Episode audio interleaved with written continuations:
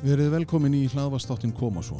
Ég heiti Híðin Sveinbjörnsson og fæ til mín góða gesti sem spjalla um ferðarlega lífsins, börn, úlinga, uppeldi, ákvarðanir og allt sem að ferðarlæginu viðkemur. Það er von mín að þátturinn Koma svo virki sem pepp fyrir foreldra, fagfólk og alla þá sem hafa áhuga á einstaklingnum, lífinu og tilverunni. Verið velkomin í enn eina útgafa podcast þættinum, hlaðvast þættinum koma svo. Þar sem að í podcaststöðina er komin frábær gestur. Flottur, frábær og ég er aldeilis komin í hamingju hotnið því að gestur minn er nýbúin að gefa út bók og er búin að vera að sinna málefnum hamingjunar í fjöldamörg ár. En, og þá er náttúrulega bara hver er gestur minn í dag? Já, heyrðu, bara takk fyrir að bjóða mér, Anna Lóa Ólafsdóttir.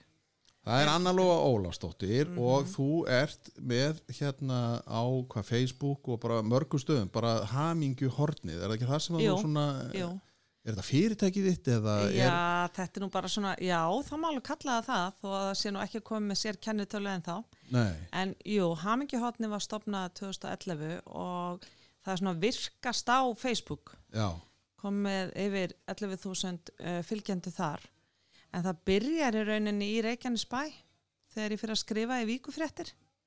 já, já, bara svona sem eitthvað pisla höfund, Písla höfundur, hann, hann hérna, Pál Ketil sem á víkufréttir, hann auglisti bara til blaðamanni já, og mér hefði alltaf dreymt um að skrifa og sótt um og, og hann réði mig bara á staðnum og ég fór að skrifa og þannig var það mikið hotnið til. og, og var það bara þá, hvernig, dreymdi þið þá titilin eða varstu bara Það svona, var eiginlega svolítið svoleiðis. Mér langaði sem sagt, ég var búin að vera í, í háskólanum í hérna að læra náms og starfsrákjöf já, og hafði kynst í ákværi sálfræði og hvernig við getum verið að svona, borið sjálf ábyrð á hamingi okkar og óhamingi og þetta var eitthvað ofalega í huga með þarna þannig að hamingi hotni var eitthvað bara svona lág eitthvað neði beint við já, er það, er þetta ekki bara eitthvað svona sem að, að eitt gluggi lokast og svo opnast eitthvað annar og Já. maður er bara, þú veist, Já. þegar maður liggur á kottanum og Já. svo bara hamingju hornið. Já, þetta var, þetta var svolítið Það er þannig skemmtilegt. Já, En þú nú segir, þú ert náttúrulega, við meðum ekki byrja öfum, öfum, Nei. öf, Já. þetta er svo langt síðan að því að maður er alltaf í þessu veiru þarna. Eh, nei, ekki, ég er ekki búin að vera í veirun og þú ekki heldur. nei, nei En, en hérna, þú mátt ekki byrja öfum enda sko, Nei. af því að nú kemur verkefnið. Já, Og En það er nú samt, þetta verður örugglega stutt, þú ert svo ung. Hérna... Dong, já, þannig skoraði stig. Uh, við ætlum að aðeins að, að, spora okkur tilbaka. Hvað er það sem svona leiðir til að, að þú ferða að sísla með þetta? Því þetta er náttúrulega sko, þessi vegferð, veist, hvað, hvað ferði gegnum til þess að enda í þessu? Mér finnst, eins og ég var að segja þér þú veist, þetta er svo gaman að heyra svona sko í gegnum einhverja breytingar, varstu neikvæð í gamla dag eða þú veist, hvernig var uppbyldið eða veist, eitthvað svona því að ok, Já, já. fóreldur okkar eru, voru náttúrulega kannski ekki alveg beint þau jákvæðastu kannski, mögulega, hugsalega kannski, ég veit ekki uh, þannig að við Já. bara núna vippum okkur í önnulóu sem var með nýja skólatösku og komin í Já. fyrsta bekk er ól annalóa upp mannin Vá, mér finnst alveg, mér finnst ótrúlega skemmtilegt að fara í gegnum svona þessar pælingar. Ég er fætt á uppalinn á Seltjarnanesi. Veistu það, ég var einmitt að hugsa það áðan því áður ég komin það að ég, ég svona hafði grun um það og ég var alveg bara, hvað er þetta með mig og seltirsin ég held að þú sért nú með fjögur Í Af- þú veist, ég er bara, það er svona Já. ákveðin ég held að ég kom með, svona ákveðin landsvæði sem það er mest af Já. þannig að þú ert frá seltirsin Ég er frá Seltjarnanesi og, og hérna, og er, er í miðjunni á fimm sískinum já, og pappi var ljósmyndur á morgunblæðinu, Ólaður K. Magnússon, mjög skapandi maður, mikill listamaður. Mamma var, uh, sem sagt, var í heimahjókunum, var sjúkraliði og ég myndi segja að, að ég er bara ótrúlega mikið blandað af þeim tveimur, bæði skapandi og vil vera í svona heilandi verkefnum og, og svona vera, já. En já, bara ég var mjög, þetta er svo fyndið að segja frá því, því ég hugsaði að sem þetta voru kom, kom hérna í dag. Ég var svona bann sem að ég öruglega fengið einhverja greiningum, ávirkni eða eitthvað slíkt. Það var alltaf stuð og átti alltaf að vera stuð í mínum bekk. já, Ég var, ég var alveg svona svolítið eh, handfull sko. Ég var talaði rosalega mikið, hafði mikla skoðanir, var stjórnsöm en fólk segir alveg að ég hafi verið skemmtilegt ball líka, ég veit ekki hvort það segja bara svona til þess að Já, hérna, til þess að friða þig. Já, en ég veit alveg þegar ég, að því ég er nú sjálf hérna kennari, ég veit alveg að börn sem að eru svona eins og, eins og ég var, þau eru alveg handfull þau eru börn, Já, en þau eru bara karakterir í mótun. já, eða ekki? Jú, jú. Og ég var bara, mér gekk mjög vel í skóla og bara hafði rosalega gaman að því að lesa og skrifa Já, og, og bara, já, held bara að ég myndi bara fara, bara menta veginn bara allarlega upp úr, bara en eh, var, eins og lög gera ráð fyrir. var það þá valhússkóli og skóla, valus og Já, skóli, já, þannig að þetta er bara á þessum tíma þegar er, þeir eru náttúrulega bara komnir þessi skólar Já, já. Og, og það er bara, ég var ekki þá á þessum tíma, það ljóta að hafa verið sko, hvað, sex bekki, tíu bekki, þú veist, það var ekki urmulla fólki. Nei, var nú ekki, ekki til dæmis í Míró þegar ég var þar sagt upp að hérna, við fórum yfir í, í áttundabekk, þá voru bara tveir bekki til dæmis Já, ok. í, í mínum árgangi en það voru þrýr þegar ég kom yfir í Valsaskóla. Því að eins og hérna, að því ég er nú á Kópóinum og Kásninsunu, að þá var sko, skólinn var það voru árgangar á skólanum á laugatum ég var í skólanum eftir hátíði fyrstu þrjú árin mín Já, í skólanum sko, þannig að þetta var mjög já hann var reynda tvísetin, Míró skóli var tvísetin, sko. já, svona sérstakt að hugsa veist, þetta Já. er ekki bóði í dag Nei, Ha. akkurat, akkurat. En manstu samt eftir því, þú veist, það hlýtur nú að vera eitthvað svona svo hittur í kennarna og svona í dag, eða þú veist, Já, já, þegar maður já. fer alltaf heim til foreldrana, svo hittur Já. kannski í búðinni, þú veist, Já, já, nei, já. Anna mín, ert þú Jú, þannig? jú, ég, fekk, ég fekk alltaf í einhvernarspjaldar mitt, ég fekk góðar Já, en ég fekk alltaf Anna Lóa er Anna Lóa Anna Lóa Maskefin? trublar í tímum. Þannig að væri það, myndur þú skrifa svona í, í í nei, ég myndi ekki gera það. Orð hérna- myndum við, við myndum nota eitthvað svona, tala mikið. Já, akkurat. Maski? Já, en ég hef líka oft hugsað akkur, akkur fekk ég ekki að virkja þetta meira? Eins og til dæmis bara að læra að flytja ræður eða eða gera eitthvað með þetta því að þetta er greinilega styrkleiki minn. Ég á mjög auðvelt með að halda fyrirlestra og, og hérna, koma fram fyrir fram á fólk. Það mikil aðteglust þarf alveg strax aðna því ég bad já, og já, það var og ég, ég meina, ég gerði alls konar hluti. Ég var kvöldi skólastjórans að því að pappi var svona fréttafíkill og þegar þoskastriði var já. þá lekið þoskastriði á skólalóðinni. Það var svona skip á skólalóðinni og hérna og ég var sem sagt í skipinu og, og hérna var að berja frá mér fólk sem að var að ráðast á skipið og svona ég lifði mér, ég var rosalega svona með mikið ímyndunarafl já. og var alltaf að sjá fyrir mér eh, sko ævintýri og, og lög sýsti mín að fulla ég er en þá að beða hann afsökun og sagði ég væri rænd og ætti ekki heim í þessari plain fjölskyld á Veist, já og ég var mjög Þannig að í rauninni, já, þannig ef að það hefði verið einhver klókur kennari sem hefði bara, þá væri þú kannski bara einn allra helsti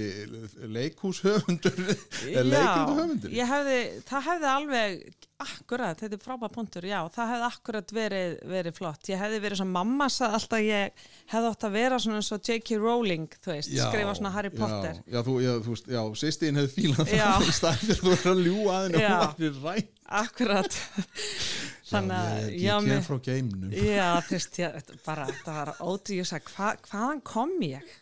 Þannig að ég, mér fannst, sko, svona er eru börn og fyndin, ég hef oft hugsað að pappi byggði, eða pappi og mamma byggði húsan út á nesi og ég var ofta kvarta yfir því að bú ekki í blokk, það sem væri meiri fjölbreytileiki, akkur við þurftum að vera bara ein í þessu, Í þessu húsi, húsi, já, já, svona kunnum maður ekki já, gott að meta, sko.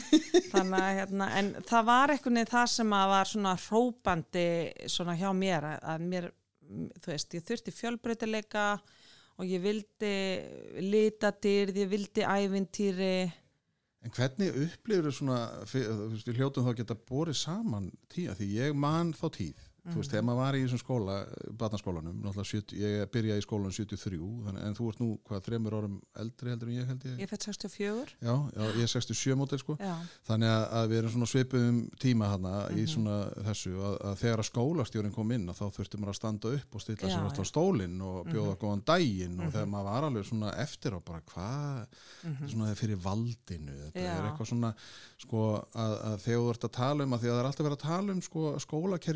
að að að að er að er svo mikið einstaklingsmiðað Mhm. og, og hvað það er að erum við og fannst, eða sko þegar þú hugsa tilbaka mm að sko hefðu einhverjir kennarar farið þessa leið að, að íta þér út í að verða sko að, að leifa sköpunagáinni að, að njóta Já. sín Já, já ég Þú var veist, voru þetta ekki bara konur í veist, Nei, það var nefnilega ekki þannig. Það var svo fyndið fyndi að skulle spyrja þessa því ég lappa rosa mikið ægisíðina já, og ég hitti um daginn, ég ætla bara að nefna hann nafna því að hún, hún er minn uppáhaldskennari að því að hún hafi akkurat hæfileika til að láta hvern og eitt svona, svona skína. Hún heitir Otni og hún kendi mér, ég held að verið í 5. og 7. bekk já, og svo rakst ég á hann á ægisíðinni og ég bara notaði tækifærið og þakkaði henni fyrir það sem hún gaf mér sem kennari já, að því að hún svona gerði alls, hún let mann aldrei fá þessa tilfinningu að maður væri óþökkur. Eða, minni minni, já, já, eða eitthvað skiluru heldur bara, og ég sagði við hann að ég hlýt stundum að hafa verið hérna svona uh, erfið og verið mikið að trubla því að, að því að það var í öllum bókum nema frá þér. Og þá sá hann annarlega ekki minnist ég þess. Varst þú bara frábær krakki og mér mann komið þáttur ótrúlega vænt um að heyra það því að minningi mín úr skóla auðvitað er, er margt bara mjög skemmtilegt og ég átti bara frábæra skólagöngu að mestu leiti en það er auðvitað þetta að ég sé fyrir mér að ég var þessi sem var alltaf að trubla mm. En hvað segja skólafélagið þá? Eða- Jú, jú, jú, en þau bara líka, ég var þessi sem var skapandi, ég menna því ég var í gagga og við bara settum hverja leiksýningun og fættur annari, þú veist, þetta var bara leik og slíf í, í hérna við alvegsaskóla. Svo var nú svo sem ekki mikið í bóði þannig að það, er nú ekki eins og að við vorum með 70 sjónvanstöðar og Netflix og allt Akkurat. þetta þannig að það, maður þurfti bara að finna og, og gera eitthvað skemmtilegt. Já. og svo voru bara sögumi betur en aðrir í, Já, í þessu og, og gáttu kannski leikstýrt. Já, já, nákvæmlega. Og það gerði ég alveg strax bara frá því ég var 13 fór ég að leikstýra og bara Já. leikstýrði hann í, í gaggráðskóla eða í grunnskóla, efri bekkin grunnskóla En nú ertu búin að nefna það að þú hefur logið sýstirinn ég, ég auðmingjast konar Já, já, já, ég er búin að byggja hann oft afsökun. Þetta er alveg bara þetta var, hún er með þetta tráma Já, já, og ég sko að hætti ekki fyrir hún fór að gráta sko, þetta er alveg agald að segja frá sig En, en, en, en samaborið þá við fimm þú veist með fimm og þú ert í miðjunni veist, hvernig er þá sko, hinn er tveir eldri og hinn þau yngri þú veist, er, er svona, þú veist, eru þið, ert þú bara ert þú þessi, þetta klassíska miðjubann og þú ert bara öðruvísi eða, er, þú veist, Já, það er svolítið þannig. Ég er svona, og, og þau gera oft grínaði að því ég er með þessa aðtiklistöörf Já. og það sé þetta klassíska fyrir miðjubarni, þú veist Já. að þú ert að reyna, að tegja þau upp og, og svo ert að reyna líka að, hérna, að vera stóra sýsti þeirra sem eru yngri en, en, en sýsti mín var kannski líka, þú veist, með bróðu mínu sem var yngri en hún, þetta já, er já, svona. já, já, En já, við erum, ég held við séum líka bara öll, við erum, við erum mjög, við erum mjög lík en samt mjög ólík, sko. Við, við erum ennþá bara mjög náinn og, og bara skemmtilegur sískinhópir, eða okkur finnst það. ég veit ekki hvað þeirra finnst. Nei, minna, er það ekki bara þannig þetta er bara er svo, veist, það er alltaf svona þetta, veist, ég hef nú oft að ég er nú yngstur uh, sko langingstur, það var Já. tíu ár sem, síst, það er sko 15 og 10 ár í næsta, sko já. og þá er alltaf, þú veist, já, þú ert nú prinsinn og þetta, en ég var alltaf, veist, alltaf með einhverja brandara og Já. þóldi ekki að það væri sko þagn og Nei. vandraðalegt og eitthvað svona, sko. Mm Já, ætli ég hef ekki líka verið mjög uppátækið samur Já, saði brandara og svo áttu stjúbróði sem var smá þróskaskertur og saði ekkert tíma brandara og hann alveg frussaði matnum út og ég alveg sko megnast í niður úr að því að mér fannst þetta svo finn, sýstu minni fannst það ekki fyndið en skilur að maður bara svona þú veist, einhvern veginn fekk eitthvað útrás fyrir svona hlutum. En, en þannig að það er bara, er ekki bara svona eins og fjölskyldur eru, ég menna það er ná, fólk er náið og, og jú, svona, jú. Og ég var líka það sem er fyndið sko á myndum að mig, ég var mjög mikið strákastelpa, þú veist Já. það var, uh, mamma reynda að klæða mig, þú veist, fínföt og pils. Og ég var alltaf komin í svo buksunar utan yfir pilsið og var alltaf í stífvilum og alltaf svona allt neft vittlaust og, og bara vildi taka á því skakkan topp og, og hérna, og var bara svolítið, mér, mér gekk oft betur að eiga stráka vini. Já, og ég hef alltaf átt stráka vini en það daginn í dag. En ég einfaldara. íþróttir og svona var, var, varstu þá að, Hann fór í handbólt aðeins en, en, en aldrei stóri sigrar en, en jú, kom aðeins nált handbóltanum gróttu. já, þú hefur ekki, ekki svona hérna fundið þar eða þú veist? Nei, það er alveg synd sko því ég hefði alveg verið flottur íþróttamæður já, að því að ég bara hefði þurft að fá útráð sér orkuna og, og hérna, var bara dugleg þannig að það hefði alveg hendað mig vel. Sískinni mín fóru bæði eldri bróður minn og, og sýsti mín fóru, fóru svolítið langt í handbóltanum Já, og, og mín fjölskylda svolítið, eða? já, og Magalinn sýsti fór líka í Káur og Val held ég Já, hvuslas er já, þetta? Já. En ég var, mér fannst það mjög gaman en, en, en, en já, það var bara, svo bara var ég upptekinn að því líka að vera pæja skilur á þessum aldri sko. Ef, ef þá við upp okkur í það að, að, þannig að það er ekkert svona eitthvað uppáhalds þetta bara gekk og svo ferði í áttundabekk og þú byrjar að leikstýra Já, en þá er náttúrulega þessi ár Já. að þegar að við erum semst í 8. 9. 10. bekk og þetta þá er náttúrulega mikið um drikju, það Já. er bara reykingar og þetta er einhvern veginn sko, þetta er náttúrulega bara sko allt öðru í sig heldur en þetta er í dag Já, því já. það er bara svona eins og þetta sé þá var þetta bara einhvern veginn svona samþykkt já, já. hvernig, hvernig fóru úlingsárin með þig og svona í Já. samband við það, var mikið partístand á Já, eftir, já, já, svona eftir tíundabekk þá byrjaði þetta svona allt með, þú veist, Já. það var ekki fyrir þann tíma samt, sko. Við vorum, það voru gróttuböllin og við sóttum þau og það byrjaði held ég bara þarna eftir tíundabekk og þá byrjuðum við að, að drakka. Ég er rosa seinheppin. Fyrsta skipti sem ég drakk þá datt ég á hausun og fekk gata á hann skilur og gæti ekki falið það fyrir fóldri mín með ég að vera að drekka. En hérna, en sko þessi ár í Valusaskóla voru rosalega skemmtileg. Minningunni bara vorum alltaf að setja upp leikrit og ég að leikstýra og við vorum að gera eitthvað skemmtilegt. En mér fannst mjög erfitt að fara í mentaskóla. Það talaði um að annarkvort bara fílum að þessi í gagga og mentaskóla. Svo fór ég í, í, í MH og ég bara fílaði mig enga veginn og var bara hægt eftir stuttan tíma og gerði alveg nokkra tilrunni til að fara í framhaldsskóla. Og, og bara, en, en, en nú, nú, nú er það náttúrulega þetta með MH það er náttúrulega þetta með að þú sko mér finnst rosalega sérstakt að, að, að þú ert 16 ára já, og svo ferði í MH og það Já. er einhvern veginn svona þú velur bara eitthvað, eða þú veist, þú ert aldrei í bekk og Nei. eitthvað svona, hvernig átt að stjórna þessu, hefur þú þroska til þess sko, ég hafði það klárlega ekki, sko. nei, já, þú veist, það er, svona, það er bara annarkvort getur þetta eða Já. getur þetta ekki? Já, sko vinkonu mínar fóru í, í MR og, og Fjölbjörn Ármúl og Breiðholt og eitthvað. Ég ákvaða að fara MH að því að eldri sískinni mín höfðu farið þangað. Já, og fór ein, þú veist, var ekki með neitt bakland, þekkt engan og ég bara, já, hefði í rauninni ekki átt að gera það, og sko. náður ekki sætu í rétt að borði Nei, alveg það var, þetta bara, klassiska það sko var bara nákvæmlega þetta, það er algjörlega þetta, þannig að ég bara, já, þannig að ég fann mig ekki og svo fór ég í kvenn og fann mig ekki og var rosalega bara leitandi já, á En- þessum tíma. en, en, en, var, en þú veist, hvað varstu þá bara að vinna eða hvernig Já, svo bara hérna, það finnst að segja frá þessu að því að ég og vinkona mín við semst ég hætti í MH og ég og vinkona mín förum á verti í Grindavíka því að við ætluðum að fara uh, að vinna á Ítalju um sumarið. Klárlega, já, já, það gerði það allir Þetta var svona klassist sko. ég gleymi ekki, sagði fóldri mín mynda. Fyrsta lega fannst þeim mjög fyndi að ég ætlaði að fara að vinna á vertíð, aldrei komið inn í fristúsleiku. Og borðaði valla fisk eða Jú, ég borðaði alveg fisk en, en bara, þú veist, svona vinna hafði bara maður þekkt þetta ekkert, skiljur. nei, nei, nei, ég hef ekki fyrir mitt litla líf farið í. Nei, en að því að ég fann að þau, við fórum og vinkona mín bara var hægt eftir þrjár vikur. En ég held áfram að því að það hafði eiginlega engin trú á því að, að hérna, ég myndi já, þannig að þú fórst fer þetta á þrjóskunni Já, alveg bara og bara vann frá 8 mátanum til 11 á kvöldin og aldrei átti jafn mikið pening og festi um helgar og þetta var bara þetta var bara rosa stuð sko. Þannig að ég bara var þarna. Þannig að þú ert góð til vinnu. Já, já, já, alltaf verið dugleg. Já, Já. en bara ekki beltskóla Nei og ég bara, það var, þetta var bara ég oft hugsað um þetta því ég er nú svo mikið búin að vera að vinna með ungu fólki. Þetta var bara eh, ég hefði þurft að fara bara í það sem var bekkjakerfi þetta var já. bara, ég gati þetta ekki. var ekki hvernum með bekkakerfi Jú, þeir voru með bekkjakerfi en þá er ég orðin hann á eftir.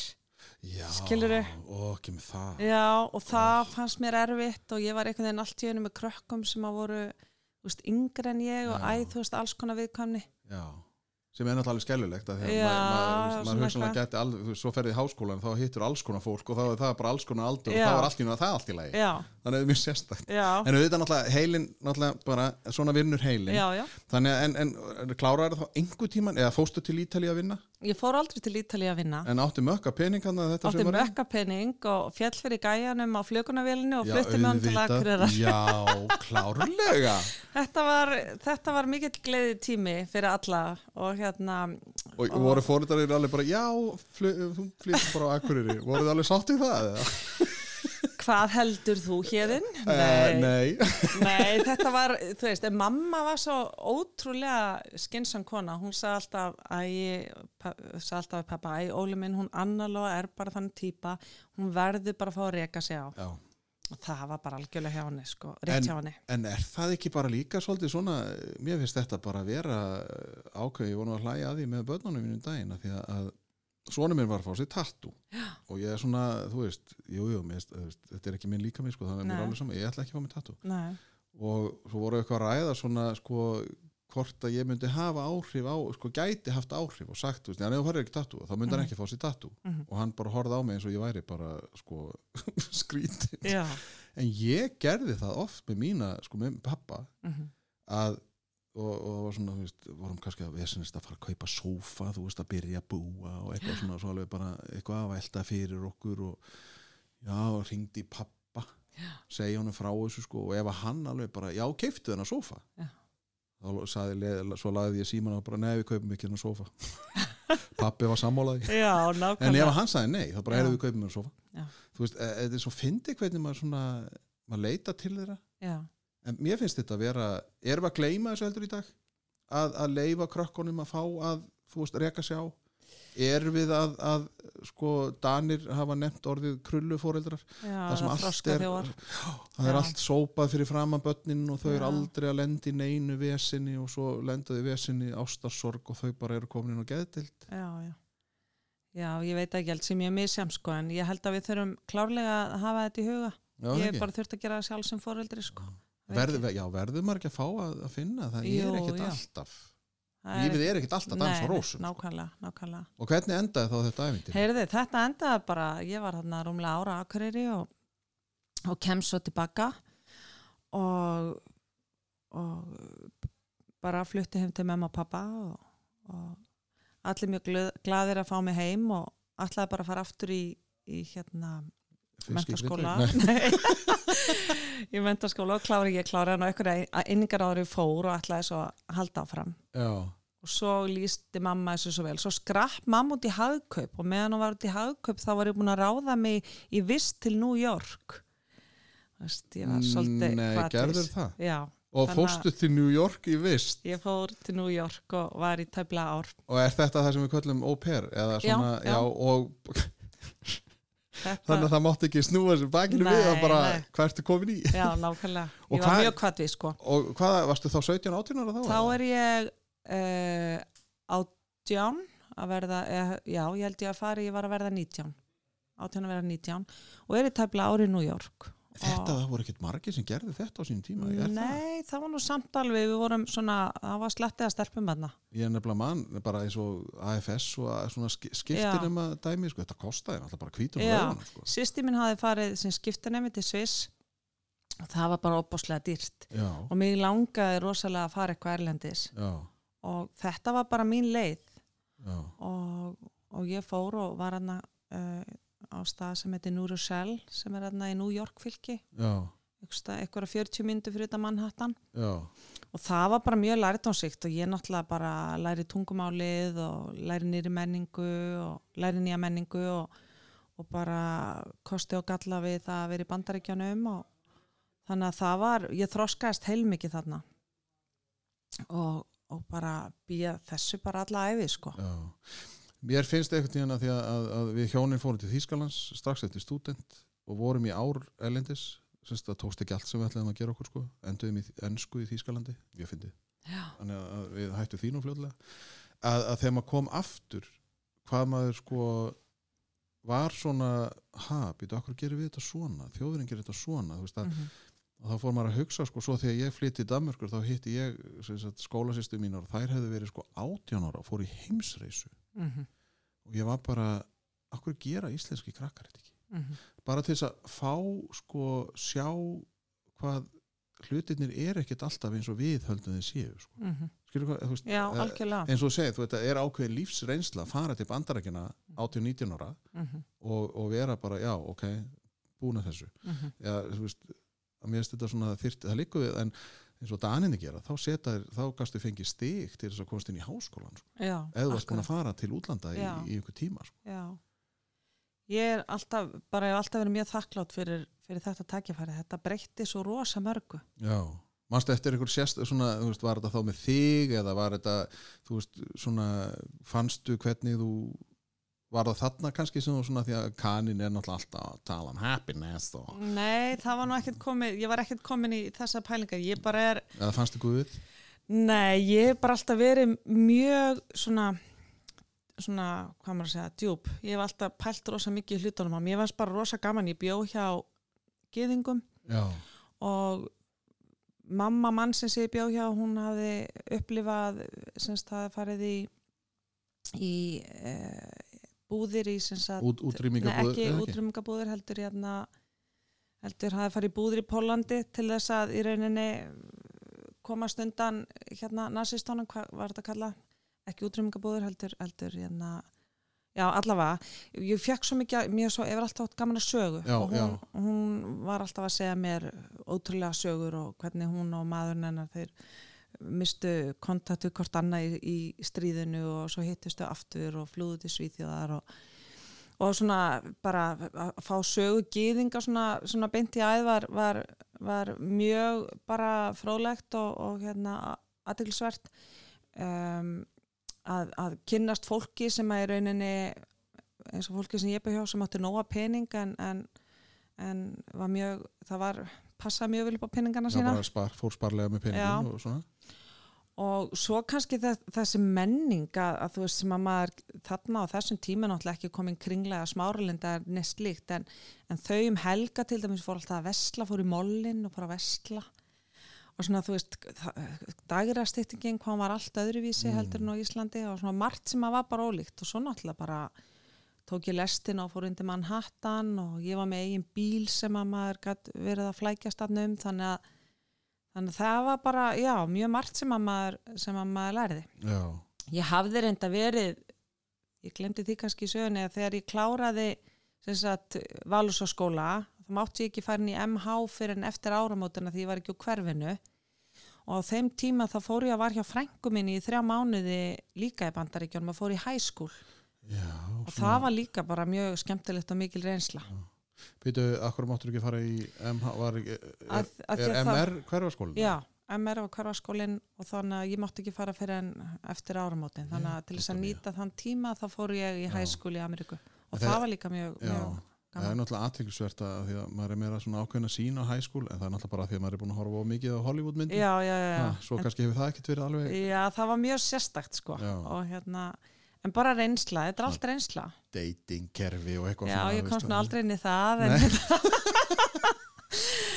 en, en það var bara rosalega margt ólíkt sko. Já. En ég ætlaði nú ekki að móðka neitt með því að segja hvort það hefði fundið guð, því manni finnst alltaf eins og amerikanar þeir, þeir eru rosalega guðræknir og, og svona og fer náttúrulega reynda kannski eftir fylgjum Já, og hvar þú örugglega, ert í sko. bandarækjunum sko, því að Já, þeir þekka guði fyrir allt og maður er alveg bara já, Já. en þú gerir náttúrulega ekki neitt eða þú veist, Já, skilur að já, við sem já, persóna, þú veist já, að það er svona akkurat. hver gerir hvað sko, já, já, svona þetta með sínina á lífið og Já. æðri máttavöld og eitthvað svoleiðis Já, sko. já, en, en ég minna svo hlýtur nú einhver tíma að fara að klára hann að mentaskóla Já, já, svo kom ég heim og, og frá Ameríku og þá datt ég bara í lukkupottina því að þá náttúrulega talaði ég bara góða ensku og, og var með þessa frábæru hérna, ég var með frábæra vinnusögu þannig, ég hafði alltaf verið dugleg í vinnu og ég fekk góð meðmæli, ég fór í banka í smá tíma og eitthvað en ég sótt eins og flugfræja já, og þarna kemst ég inn í flugi það var 1985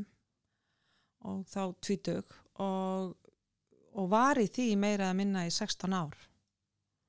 Og fer ekkert í, í mentaskólan fyrir bara, ég er búin að eiga strákana mína um 30, þá fyrir ég bara að byrja í öldungadeildinni og svo bara fór ég í dagskólan og. Og kláraði áður ég fór svo í, í hérna í kennu.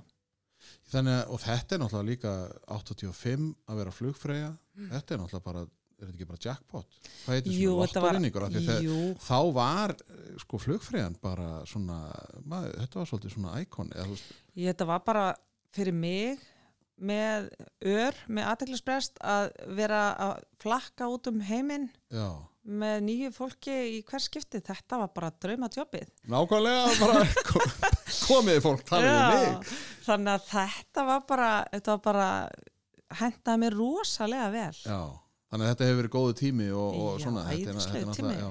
Æðislegur tími. uppbyggingatími, þetta hétt náttúrulega ekki Æslandir þá þetta hétt hvað flugleir Já, flugleir, já. Þetta var mjög skemmtilegu tími og ég bara virkilega nautess að vera í þessu starfi og, og þetta er, þetta er, og ég vil bara, ég er svo stolt af, af, af fyrirhandi hérna samstagskonum í dag að vera uh, svona harðar í baráttuna Já. því að það er búið að vinna mikið fyrir, fyrir því sem hefur náðst í dag og en þetta er hörku jobb líka, það má ekki gleyma því og, og reynir mikið á.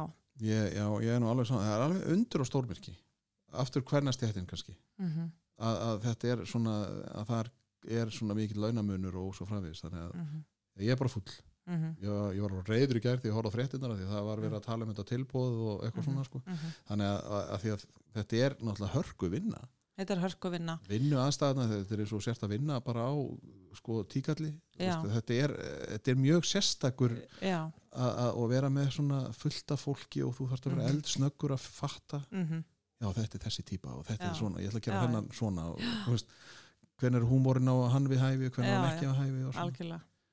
En þetta var rosa góðu tími og ég bara var alveg bara uh, elskaði starfið mitt og, og, og, og var bara mjög bara, já, ána með minn stað. En mér langaði náttúrulega alltaf að menta mig. Já, þetta, og það, ég fann alveg að, að það var í mér að ég hefði, ég ætti eftir að gera eitthvað.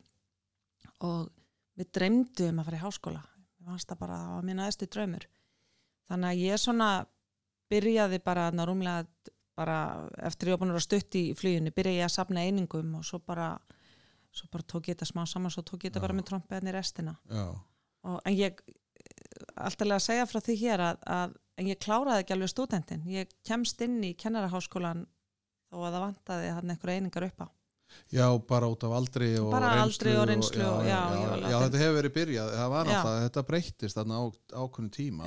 Þeir fóru að taka inn sko að fólk en náttúrulega líka, nú var ég að tala hann Guðmund Ara mitt og seldinni já, hann var náði ekki að vera stúdenta því að hann þurfti að taka eitthvað spænsku áfanga og hann Já. bara náttúrulega gat ekki fyrir sitt litla líf, Mhm. eða þú veist, ég man ekki, Mhm. ég held að það hefur verið spænska mm ég og annan vinn sem að, sko, hann gat ekki fyrir sitt litla líf komist sko úr þýsku 101 sko, þú veist, þetta Mhm. bara átti ekki við hann og hann, drengurinn, sko, vinnur minn, hann fer ég held að hann hafi aldrei farið til Þýsklands nei, aldrei, nei og hann er áreldri en ég. Hvað bull er þetta, hvað er Já. verið að þvinga fólk, já, eða smíður sem þarf að læra dönsku, já, já, er ég að fara að kaupa að fá smíðin til þess að koma heim að smíða? Nei, kannt ekki dönsku. Já, fyrirkjæð, þú getur ekki verið hér. Þetta er e- svona- er óbáslega sérstakt að við þurfum að vera að láta bremsa fólk af út af einhverju svona Mhm. duttlungum Já, eða, þannig að en þú klárar en í mittiltíðinni þá er náttúrulega segiru þú er búin að eignast tvo stráka þannig að þú er búin ég- að finna ástina. Já, og, og það gerist bara þarna sama ári ég byrja að fljúa þá kynnist ég á, á fyrirhandi maðurinn minn 85 var það nokkur flugmaður líka nei, nei, nei. Er svona, svona fluglega fólk alveg bara út í gegn er bara, Nei, hann var bara hérna, góðum maður frá Suðnusum þannig að ég Já. flutti þangað. Suðunesjum já? Já, já, já. Þannig að, ok. Já, nei, ég flutti þangað og, og við sem sagt eignust tvo stráka þetta eh, Kristi Frans 1987 og, og Allita 1992 já, og svo skiljum við árið 1997 og, og ég sem sagt fer svo í kennaraháskóla 1998 já þannig að þú ert búið með stúdentinn, eignast börnin skilur og fer svo í kenn og eftir allt þetta. Já, Ok, og hvernig, en meina, hvernig var það þá, sko, varstu þá bara, ekki var þetta kortir eftir og skildir? Já, þetta var ári eftir ég skildi. Þetta var, þetta var algjör klikkun. Það sem gerist er að Hann fimm ára þá, Já. hann var að byrja í fyrsta bekk. Já, Sko það sem gerist að því að þú, að þú við vorum nú að nefna það akkur gera slutir í lífinu. Máli var að árið 1997 þá, þá deyr pappi eh, í svefni. Já, og það var bara stuttu eftir að ég skildi. Já, og sömu vik og pappi deyr þá, þá deyja tvær samstagskonu mínar í flýinu og bara mjög skyndilega önnu fekk hjarta áfall að hinda á slísförum og þau eru jörðu þarna bara ein var jörðu sama dag á pappi og hinn var jörðu daginn end á undan eftir ég man ekki hvort það var. Já, og það bara gerist eitthvað hjá manni svona við svona áföll og ég man að ég hugsaði bara nú verði ég bara að menta mig veist, ég verð bara, pappi var sjálfi var rosa æfintyramæðli, draumasninn að rætast. Og ég hugsaði ég má ekki sko hvort sem ég held áfram að fljúa eða ekki þá verði ég bara að menta mig. Þannig að ég ekkert neginn bara tók það svona hluti að því að vinna sig í gegnum svona sorgaferli, það er líka að að hugsa hverju vil ég breyti lífið mínu. Og þarna bara tekið ákvörun og ég mæni ég sóttum í Kennó þannig um vorið e, svo 98, þannig að nokkru mánuðum síðar. Og ég man að ég var alveg bara hvað ef að ég verð samþygt inn? Af því að hvað myndi ég þá gera? Og ég var á tímabil að vona að ég erði kannski jafnvel bara ekki samþygt inn af því að þá myndi ég losna við að taka sér erfið ákvörun mm, svo var ég samþygt inn í Kennó og þetta var náttúrulega algjör klikkun. Ég var ein með strákana mína tvo og nýbúin að fara í gegnum svona bæði skilnað og, og en ég meina varstu það ennþá, ekki varstu ennþá á suðunísum Nei, þá flýt ég sem sagt í bæ, já, þá Í kemur bæ. ég til ekki ykkur já, aftur já, og flýt á stúdendagarða já, og, og fyrir kenna en það var svo bara þú veist, var það bara æðislegt sko. já, já. svo reddast þetta bara. Já, já, mér gekk rosa vel og þetta er svo skapandi og skemmtilegu skóli og þarna var ég bara komin heim. já, já, auðvitað og finnur bara þín, en hvað, varstu með eitthvað ákveðna línu? Já, ég, ég valdi sem sagt kristinfræði og dönsku sem mín valfög. ok Kristín Fræði Já, ég þú ert ekki búin að vinnast einu orði á þetta fag allar tíman Nei, ég er hérna, já, Já, þetta heitir náttúrulega trúabræðafræði í dag heiti trúabrað Já. í dag. Ég hef all, alltaf haft mjög mikið áhuga á, á trúabröðum. Móður minn heitin var hérna katholsk og ég fór mjög mikið í kirkju sem barn, ok, katholsku kirkjuna. Já, og er bara, já, á sjálf mína trú. Og þetta einhvern veginn bara já, þannig að ég mér fa- fannst bara það draumi bara hljóma það verið draumi líkast að ef að ég fengi að kenna kristinfræði og gera það þannig að það veri skemmtilegt og Já, þannig að á því, því eh, sko, ég hugsa bara, já það orti bara grúska og, og svona Já. að fræða krakkan um, þú veist, Já, að það er margt gegnum svona, sögur og Já, svona, þeim já. fannst þetta sko, mér er þess að krakkarnir sem þurfti ekki að mæta tíma hjá mér heimtu að fá að mæta það var stelpa þetta sem var í krossinum og þurfti ekki að mæta hún heimta að fá að mæta því að það var, já, já, það var ótrúlega gaman að kenna kristinfræð og trúabræðfræði ótrúlega skemmtilegt. Og þá í gegnum hérna, sögur og, og hérna, með þetta alveg, alveg snild sko. ég myndi nú ekki kannski segja að ég hafi verið frábært dönskukennari en, en ég valdi dönskuna eiginlega svona til að augra mér. Þú veist, Já. mér fannst, þú veist, mér langaði að taka tungumál. Enskan var lítið mál fyrir mig og mér fannst einhvern veginn að ég þyrst að, að græða meira á þessu sjálf það En er, dönsku. það er náttúrulega líka bara gaman að, aðeins að, að fara ekki alveg í gegnum svona, að vera alltaf á bómulum já, algjörlega, þú veist að maður bara fer í og prófar eitthvað svona sem algjörlega. er gjörsanlega úr karakter. Já, það var alveg, ég, já, ég já. það var mjög skemmtilegt. En, en og það, svo klárar þú hvað, þá náður að klára á þremur árum eða þetta Já, var þegar að námi var bara þrjú ára, og það var ekkert eitthvað tvö ekstra ára nei, nei, nei, flögu í gegnum þetta alveg bara, gekk rosa vel og, og síðan bara ákæði þá að ég skildi uh, hætta að fljúa því að þannig er þetta orðið ég er ein með strákana og það var bara erfitt að vera flugfræja í vaktavinnu og vera Já, já, einn, þú já. veist þannig að það breytist mér margt þannig að ég ákvað bara að fara að kenna sem var náttúrulega bara líka eðislegt rosalega gaman að kenna og byrja að kenna í smáraskóla það sem að við kynnumst það sem við kynnumst. Ég var náttúrulega með félagsmyndstur á já, þessu tíma já. Og svo árið 2005 þá ákvað ég að flytja aftur á sögunu sinna því að eldri strákurinn minn vildi ekki verið Reykjavík.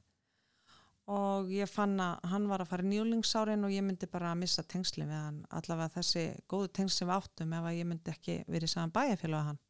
Hefur þú spurt hann þegar þú segir þetta? Fyrsta sem kom upp í hausinn á mig það var bara af hverju vildi hann ekki verið Reykjavík? Já, hann er bara, hann er rosa söguna sem maður, hann bara, hún finnst bara Við bjóðan þar ekki kortir eða? nei, hann nei, Ég vola vinsat með þetta kortir ég, nei, hann Nei, þú bjó, veist- bjó alveg í nokkur ár. Hann var í skóla þar hann Já, hann hefur í- byrjað þar og verið í ykkur ár. já, hann var í nokkur ár í skóla þar og Já. var alveg frá fyrsta upp í fymtabæk og svo fyrir hann, í, er, hann með mér í, í hérna Reykjavík og vildi svo bara fara tilbaka. Þannig að hann fara að fara tilbaka í rauninni meðan ég er í Kennó og er hjá pappa sínum og, og ég held að þetta myndi svo bara, svo myndi hann bara koma í Reykjavík Já. en það var ekkert að gerast þannig að ég bara já þannig að hann í rauninni bara hitti gömlu félagana eða hvernig, já, þannig Já. að hann lendi ekki bara í gamla bekki sinn og Já, það var bara eins og hann var hefði verið í helgafrí já, Já, þannig að ekkert vesen eða, Nei, nei. það, svo, þetta er náttúrulega brotættur aldur. Þetta er brotatur aldur og, og hann bara það var bara rétt ákvörðun að hann, hann fengi að fara tilbaka, skiluru en svo þurfti ég bara að taka ákvörðun það hvort að ég myndi bara vera hér í bænum og, og ég meina ert að fá 14-15 ára úrling til að koma aðra hverja helgi skiluru Já, þannig að við fórum ég og, og yngri bróður hans og það var það var mjög erfitt skref fyrir okkur, fyrir okkur alla að fara Já. aftur í, á söðunni sinn og þá fyrir ég að kenna þar í eitt ár í grunnskóla og fór svo að vinna á símynduna miðstöð e, miðstöð símynduna á söðunni sem, sem var algjörlega frábært Og það er bara fyrir alls konar fólk? Það er bara fyrir alls konar fólk, já já, það er bara fyrir fólk sem að, sem að langar að, að uh, taka upp þráðin aftur, kannski bara Já. fólk ég hefði átt heimaður á sín tíma Já, já, já, og fólk sem að vill taka stúdensprófið að því að það gerði ekki á sín tíma og fara svo í háskólabrú eða fara í háskólan eða hvernig það nú er. Já. námskeið og, og, og ráðgjöf og alls konar uppbyggileg starfsemi. Alveg frábær starf og þar var ég í nýju ár Já, þannig að þú ert svona lengi uh, út sögum við sjó já, og, en lagaðist allir það eða þú veist já, já, já, já það var náði, alveg náði hann að róa eða þú veist Já, það er þetta? bara, já, já, þann bara algjörlega, þeir búaðar báðir núna. Já, er það ekki Við fóreldrarnir bæði flutt og þeir eru báðir þar og jæna, já. og minn sína fjölskyldur og þannig að Já. amma og afi þurfa alltaf að keira já, já, já. Ég er því við samt ekki orðin amma en, ég, en, en, en allir með hund. Já, þannig að þú ert er hundamma. Já, og fær að passa þá hundin eða hvað Ég er ekki mikið að passa Nei. hundin, nei. Hann er svona stór sjefferhundur, þannig að ég er svona, Já, þú ert ekki alveg þar nei, En, en svo allt í hennu svona að því að maður fylgdist með þér að því að eins og þú segir að þetta hamingi hótt byrjaði og svo náttúrulega kemur Facebook og þá byrjar að nota Facebooki fyrir Já. þessa pistla svolítið svona, já, já, svona þessa hugreininga þína já. Og hva, hvað er það þá sem að þú sko, þú segir, þetta hafi kannski bara komið til þín að heita, veist, þetta hlýtur þá að vera uh, fljótlega eftir að þú ferð eða hvað, næ, Já, ég, 2010 sem eða? sagt, ég fer þarna 2005 og, og svo fer ég framhalsnám 2006 í náms- og starfsakjöf já, og fer svo uh, og klára það 2008 og fer svo aftur í framhalsnámi í, Sálgæslu 2011 Já. þú var eins að út, sálgæsla er svona það er svona samfyllt við fólk sem er að fara í gegnum erfiða tíma. Og, og er það í háskólanum það er s- hérna, samvinnuverkefni Endurmentunar Háskóli Íslands og Guðfræðadeildar. Já, þannig að þetta er svona já, þú getur þá aðstofa presta eða, eða, Nei, hvernig, þetta er í rauninni þetta er í rauninni það sem að flestir prestar kannski stór hluta þeirra starfi er að vera í sálgjastlu Já, en svo er þarna öðrum stjættum gefið tækifæri til að menta sig í sálgjastlu já, og mér fannst bara þarna er, er þannig að marg sem gerist á söðunusum það er, hrun 2006 það er varnarliði fer og svo aftur 2008, fjármálarhún já. 2008 og ég var þarna að vinna sem ráðgjafi og er þarna búin að, já, klára náttúrulega starfsakja og fyrir strax að vinna sem ráðgjafi. Og mér fannst bara að mér vanta dift í ráðgjafina. Mér fannst bara fólk eh, var búin að missa vinna og það er rosa mikið áfall að missa vinna mm, og þannig að ég fer í sálgjösluna í rauninni til að diffka mér sem ráðgjafi. Já, og þannig er ég búin að kynast í ákvæðu sálfræðinni sem er í rauninni hvernig þú getur sjálfur borðið ábyrða hamingjunni og hamingjunni og fannst ég bara langað að gefa söðinu sem hennum eitthvað svona verkværi já. og fer að skrifa í rauninni út frá þessu Já, pislana út, já, Já, hvern, hvað get ég gert sem manneskja? Pislarnir mínir eru rauninni allir um það. Hvað get ég gert sem manneskja til þess að bæta líf mitt, til að auka hamingjuna, til þess að vera betri í samskiptum, Já. vera betri maki, vera betri foreldri. Það er ekki alltaf umhverfið sem að, sem að þarf alltaf að bæta sig það, eða þarf að bæta sig, það er bara oft við sjálf ekki það einhver, veist. það er ekki einhver annar sem Nei. þarf að laga það er oft bara þú sjálfur, þú sjálf. en er, er þá sálgæsli sál, sálgæslan er þetta þá ársnám eða, Já, sko, það er ársnám, já, á mestrastíi, en, en þegar ég var í þá bara kendur bara, kendur þetta bara í námskeiðum, þannig að þú gast bara tekið þér einn 1-2 námskeið og önn, já, þangað til að spúið með 40 einingar já, já, já, og ég byrja 2011 og ég klára ekki fyrir 2014, tók þetta bara rólega. þannig að þetta er svona að, að, að þarna kemur svona að fyndi hvernig lífið fer, Mhm. að því að ef að Páll tala við þig Páll Mhm. Kettils og, og Mhm. svo þú veist, ferð að skrifa þetta og svo ert í sálgæslunni og svona að, að, en fannstu þá sko, miða við það sem þú búin að vera að segja eins og þú varst leikstýra í áttundabekk. Mhm. og skapandi og svona, fannstu þá einhvern veginn svona ró eða þú veist, hvað, þú veist manstu hvernig það var þegar, manstu fyrsta pistilið Já, þetta er rosalega skrítin tilfinning. Þetta er bara svona, maður kemst í flæði. Það er bara eins og veri, ég veit þetta hljómar kannski skringilega, en það stundum eins og þessi skrifa í gegnum mig. Þú veist, ég sest niður og ég fer að skrifa og svo er ég alveg bara, damn, skrifa ég þetta? Þannig að hérna, það, ég, einhvern veginn, sko, mér leiði alveg rosa vel en þetta kemur í rauninni ljós bara í kennu þegar, þegar kom kannski þegar skilir reitgerð og allir alveg bara uh, ég var alveg jessa því að bara strax frá bara fyrstu fyrstu önninni þá kemur í ljós að ég hef rosalega lítið fyrir því að skrifa reitgerðir já, já, þetta bara flæðir út í því Já. það er bara þannig Já. sumir eru bara svona. Já, og, og þegar ég fyrir að skrifa pislana að þá er það eiginlega svipað. Já, og ég, eina sem ég hafði áhyggjur af var að ég myndi verða uppiskruppa með hugmyndur um hvað ég ætti að skrifa. en er það fyrir ekki hægt þegar það kemur að þessu málefni Nei, það því er ekki... bara, það eru miljón leið Já, það eru miljón leiður og auðvitað svo tekið oft upp gamalt efni og endurskrifa það og það er endalust takt að vera að vinna með þetta.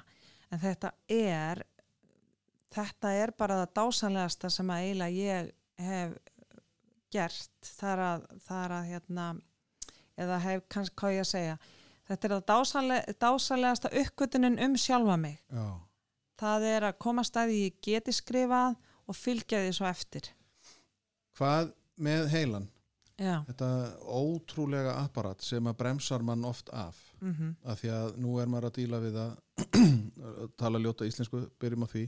Uh, að maður er að glíma við sagt, að, að, að setja inn í börnin sína þau geta allt eða vilja Mhm. það. Mhm, uh, þú velur ekkert vittlaust eða skilur, mm Mhm. ég er nú búin að nefna það ofta að, að dótti mín, ég veist ekki hvert hún ætlaði þegar hún var búin að íta á sko endur og sendin umsóknuna í mentaskólan mm Mhm. og maður var bara þá skiptir bara um skóla veist, þetta er ekki mikið vanda, veist Já. það er ekki alfa og omega hvort þú velur vittlusan mentaskóla, það er Mhm. bara leiðir uh, úlingarnir uh, þú veist, það er hann leit á mig og maður alveg Mm. já, kannski að því þú veist með flott hár eða Mhm. þú veist, að maður sko það hefur aldrei á þessum tíma, þú veist, eitthvað komið svona, nei, annar lága, nú hættir að skrifa. Já, bara eða eitthvað sem þú svona gert í þessu ferli, þú veist, þetta er þú ferð að skrifa fyrir Pál Já. ég veit náttúrulega líka að þú fóst í pólitík á þessum tíma Já, bara, þú veist, ég minna þetta er ekkert fyrir að, þú veist auðvitað náttúrulega, að því ég fór nú líka í pólitík og það er nú bara það mest mannskemmandi batteri sem til er Já. í heimi þó þetta sé ógslag skemmtilegt já. En Ég þurfti að reyndar að ég hætti þar Já. í pólitíkinni. Það er svona eitt af fáum verkefnum sem að ég bara fann að ef ég myndi halda áfram að þá myndi ég ekki enda á góðan stað já, og þá myndi ég ekki halda áfram að skrifa og þá myndi ég ekki, ég var Já, hægt að fá reynda fyrirlestra fólk var hægt að beða með um þá. Þannig að þá vissi ég allt sem ég væri búin að leggja í hamingjuhotni að ég væri svolítið að taka sensin á því að, að það myndi ekki lifa. já. Þannig að, já, þannig að það er það eina sem að er kannski bletturinn af, af öllu þessu.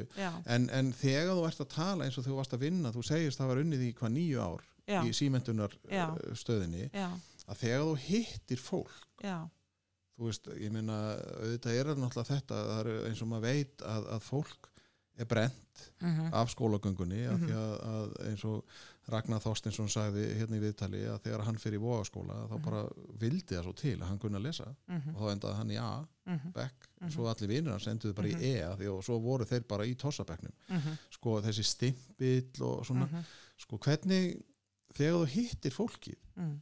hvernig gekk, eða þú veist, ég veit að þér hefur alveg gengið fanta vel að, að fá það til þess að trúa sjálfur sér. Já, en hvernig sko það að fá fólk til að trúa á sjálf sig já. Sko það kemur svo eðli, það, það er mér svo eðlisle, eðlislægt sem að það ekki að, að peppa fólk upp að því að ég á mjög auðvelt með að setja mig í þessi spór. Já, Ég náttúrulega var þarna sjálf, fannst, fannst eins og ég væri ekki, eins og það vantaði eitthvað því ég var ekki með mentun og, og fannst eins og ég var ekki jafn góðu aðrir eða þú veist, ég væri minni en og allt þetta. Þannig að fljótlega eftir ég byrjaði að vinna hjá MSS þá fer ég að kenna sjálfstyrkingu. Og það kom bara, það kom svo eðlilega og ég veit ég var svo trúverðu í því að ég þurfti ekki að selja eitthvað sem ég hafði lesið í bók, þetta var bara, þetta var bara þetta var bara, já, já, Þannig varstu Já. bara búin að finna þín aftur Já, og ég er bara, fólk hefur, hefur haft á orði að ég er, ég er svona, ég er rosalega góðu peppari, en það er bara, það er bara, eh, þú veist, ég geri það alveg frá hjartanu, af því að það er mér bara svo, bara mikilvægt að, að hjálpa fólki að öðlast trúa sjálfan sig, að því ég veit hvað skiptir gríðarlega miklu máli. Og það einhvern veginn, ég veit hvað að segja, að ég veit hvað ég hefði þurft að heyra. Og ég veit að þeir sem að trúðu á mig á sínum tíma hvað þeir hafðu ótrúlega mikið vægi í mínu lífi. Mm. og ég er að fá brefstundu frá fólki sem að ég hef aðstofa sem segir á þeim tíma sem ég þurfti þá varst þú eina manneskja sem trúður á mig og það var það sem skipti öllu máli Mm. þannig að það að við höfum trú á fólki það skiptir svo gríðarlega miklu máli Já. og þess vegna lýsi ég oft í að varandi sálgjasluna að þegar ég er aðstofa fólk sem hefur mist vonina þá er ég oft vonarberi þá er ég að halda upp í voninni Mm.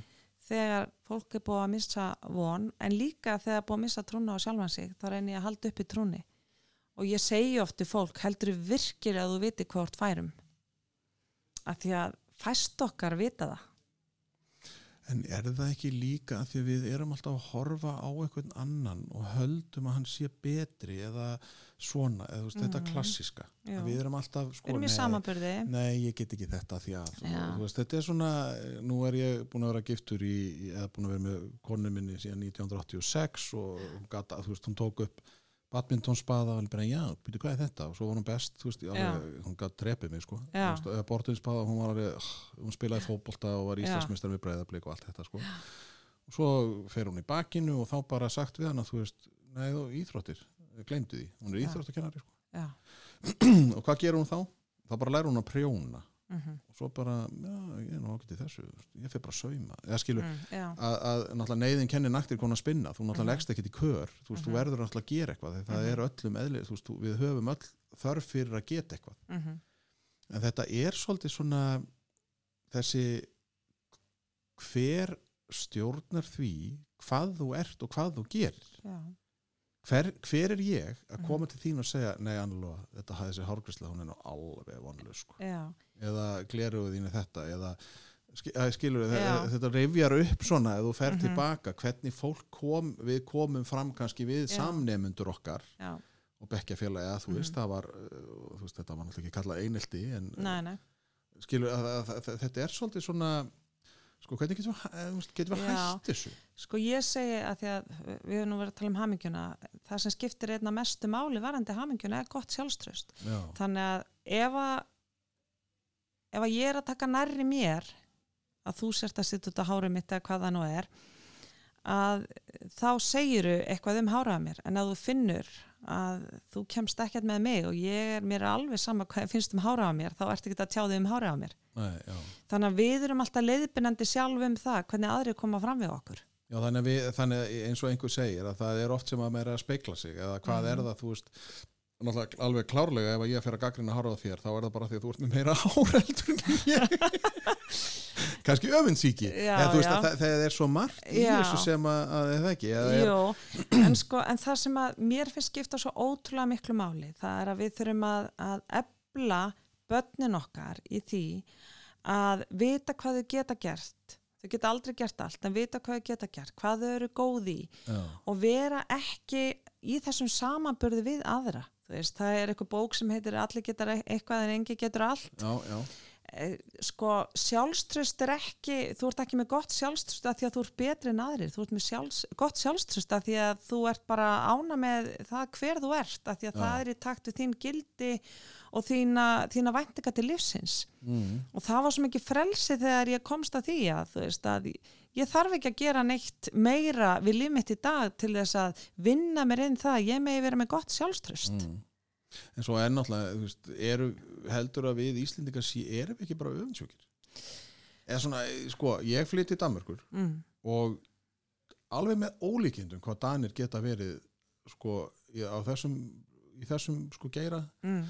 Þá eru þeir bara, og þeir eru náttúrulega með jantilófin eins og að kalla Mhm. það er bara fyrsta lögmálið, þú skalt ekki halda og sért eitthvað Mm og ég var alveg, sko þegar fyrst ég heyrði ég var bara, þú er ekki eitthvað að ykkur eða -hmm. hvað, akkur, akkur, og þá er að það þetta þú veist að þú Já. átt ekki að því að jöfnurinn er svo mikið Já, að það má ekki skara eða svona Mhm. að, að, og eru við Íslendingar þar helduru að, að við séum svolítið svona að því að það, þú veist, uh, sögurnar Mm. mm. rætnin, Já, já. þú veist að það er einhver sem gerir eitthvað og þá, það hlýtur að vera eitthvað að honum Já, já. Sko, styrkleiki okkar liggur í hvað við erum fá, en veik, veikleiki okkar liggur líka þar. já, að við erum svo fá Já, af því að við erum svo mikið í samanburði og, og ég er ána með það sem ég geri þangað til ég kemst að að þú gerðir eitthvað aðeins meira, sko, það er svolítið þetta.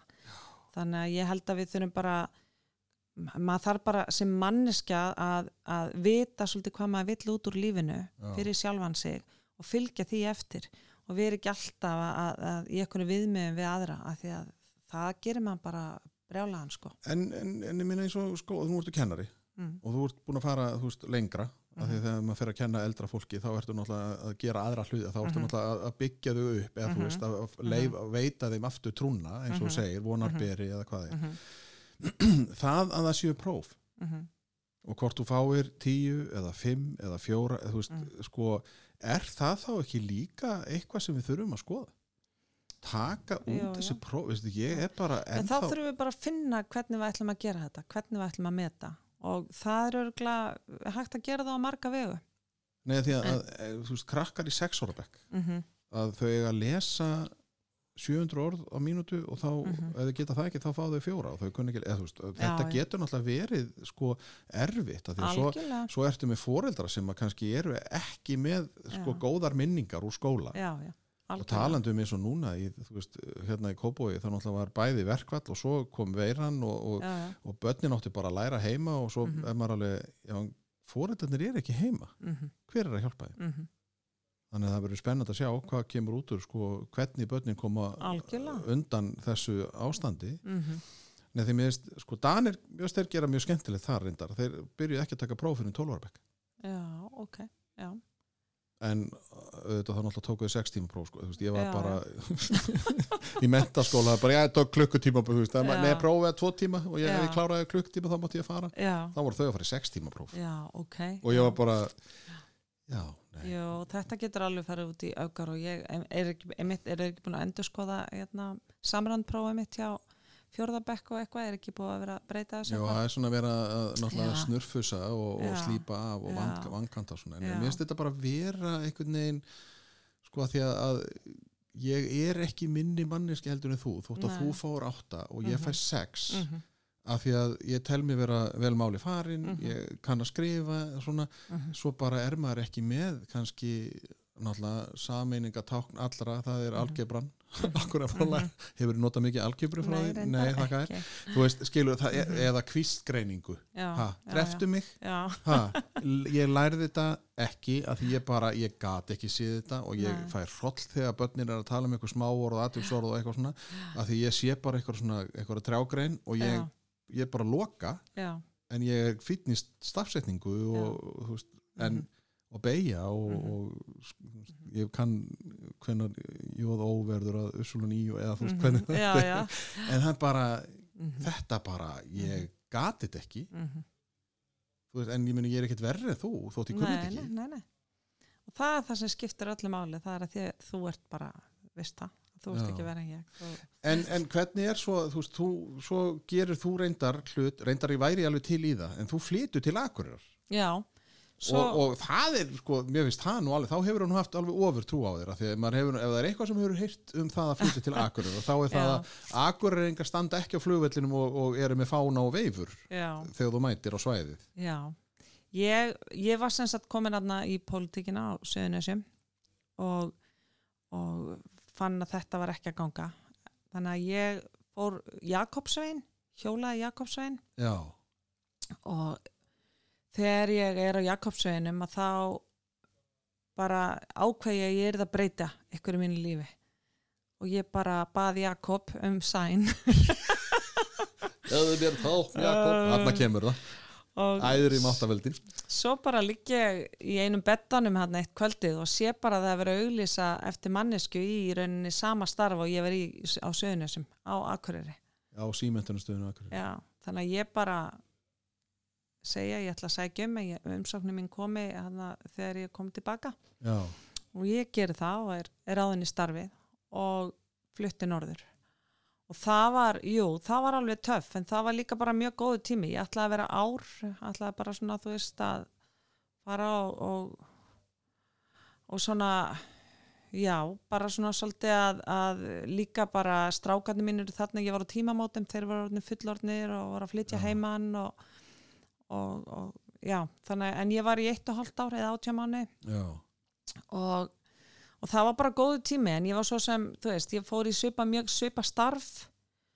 Og það var ekkert margt nýtt þannig í starfinu en það var bara mjög gaman að kynnast akkurýringum og það var það var ekkert erfitt þannig en það var, ég var náttúrulega bara eina því að ég flutti ein. Já, já, já, já. þú veist, þú ert ekki þú kynnist oft í gegnum börni þú kynnist í gegnum þegar börni fara í skóla og annað.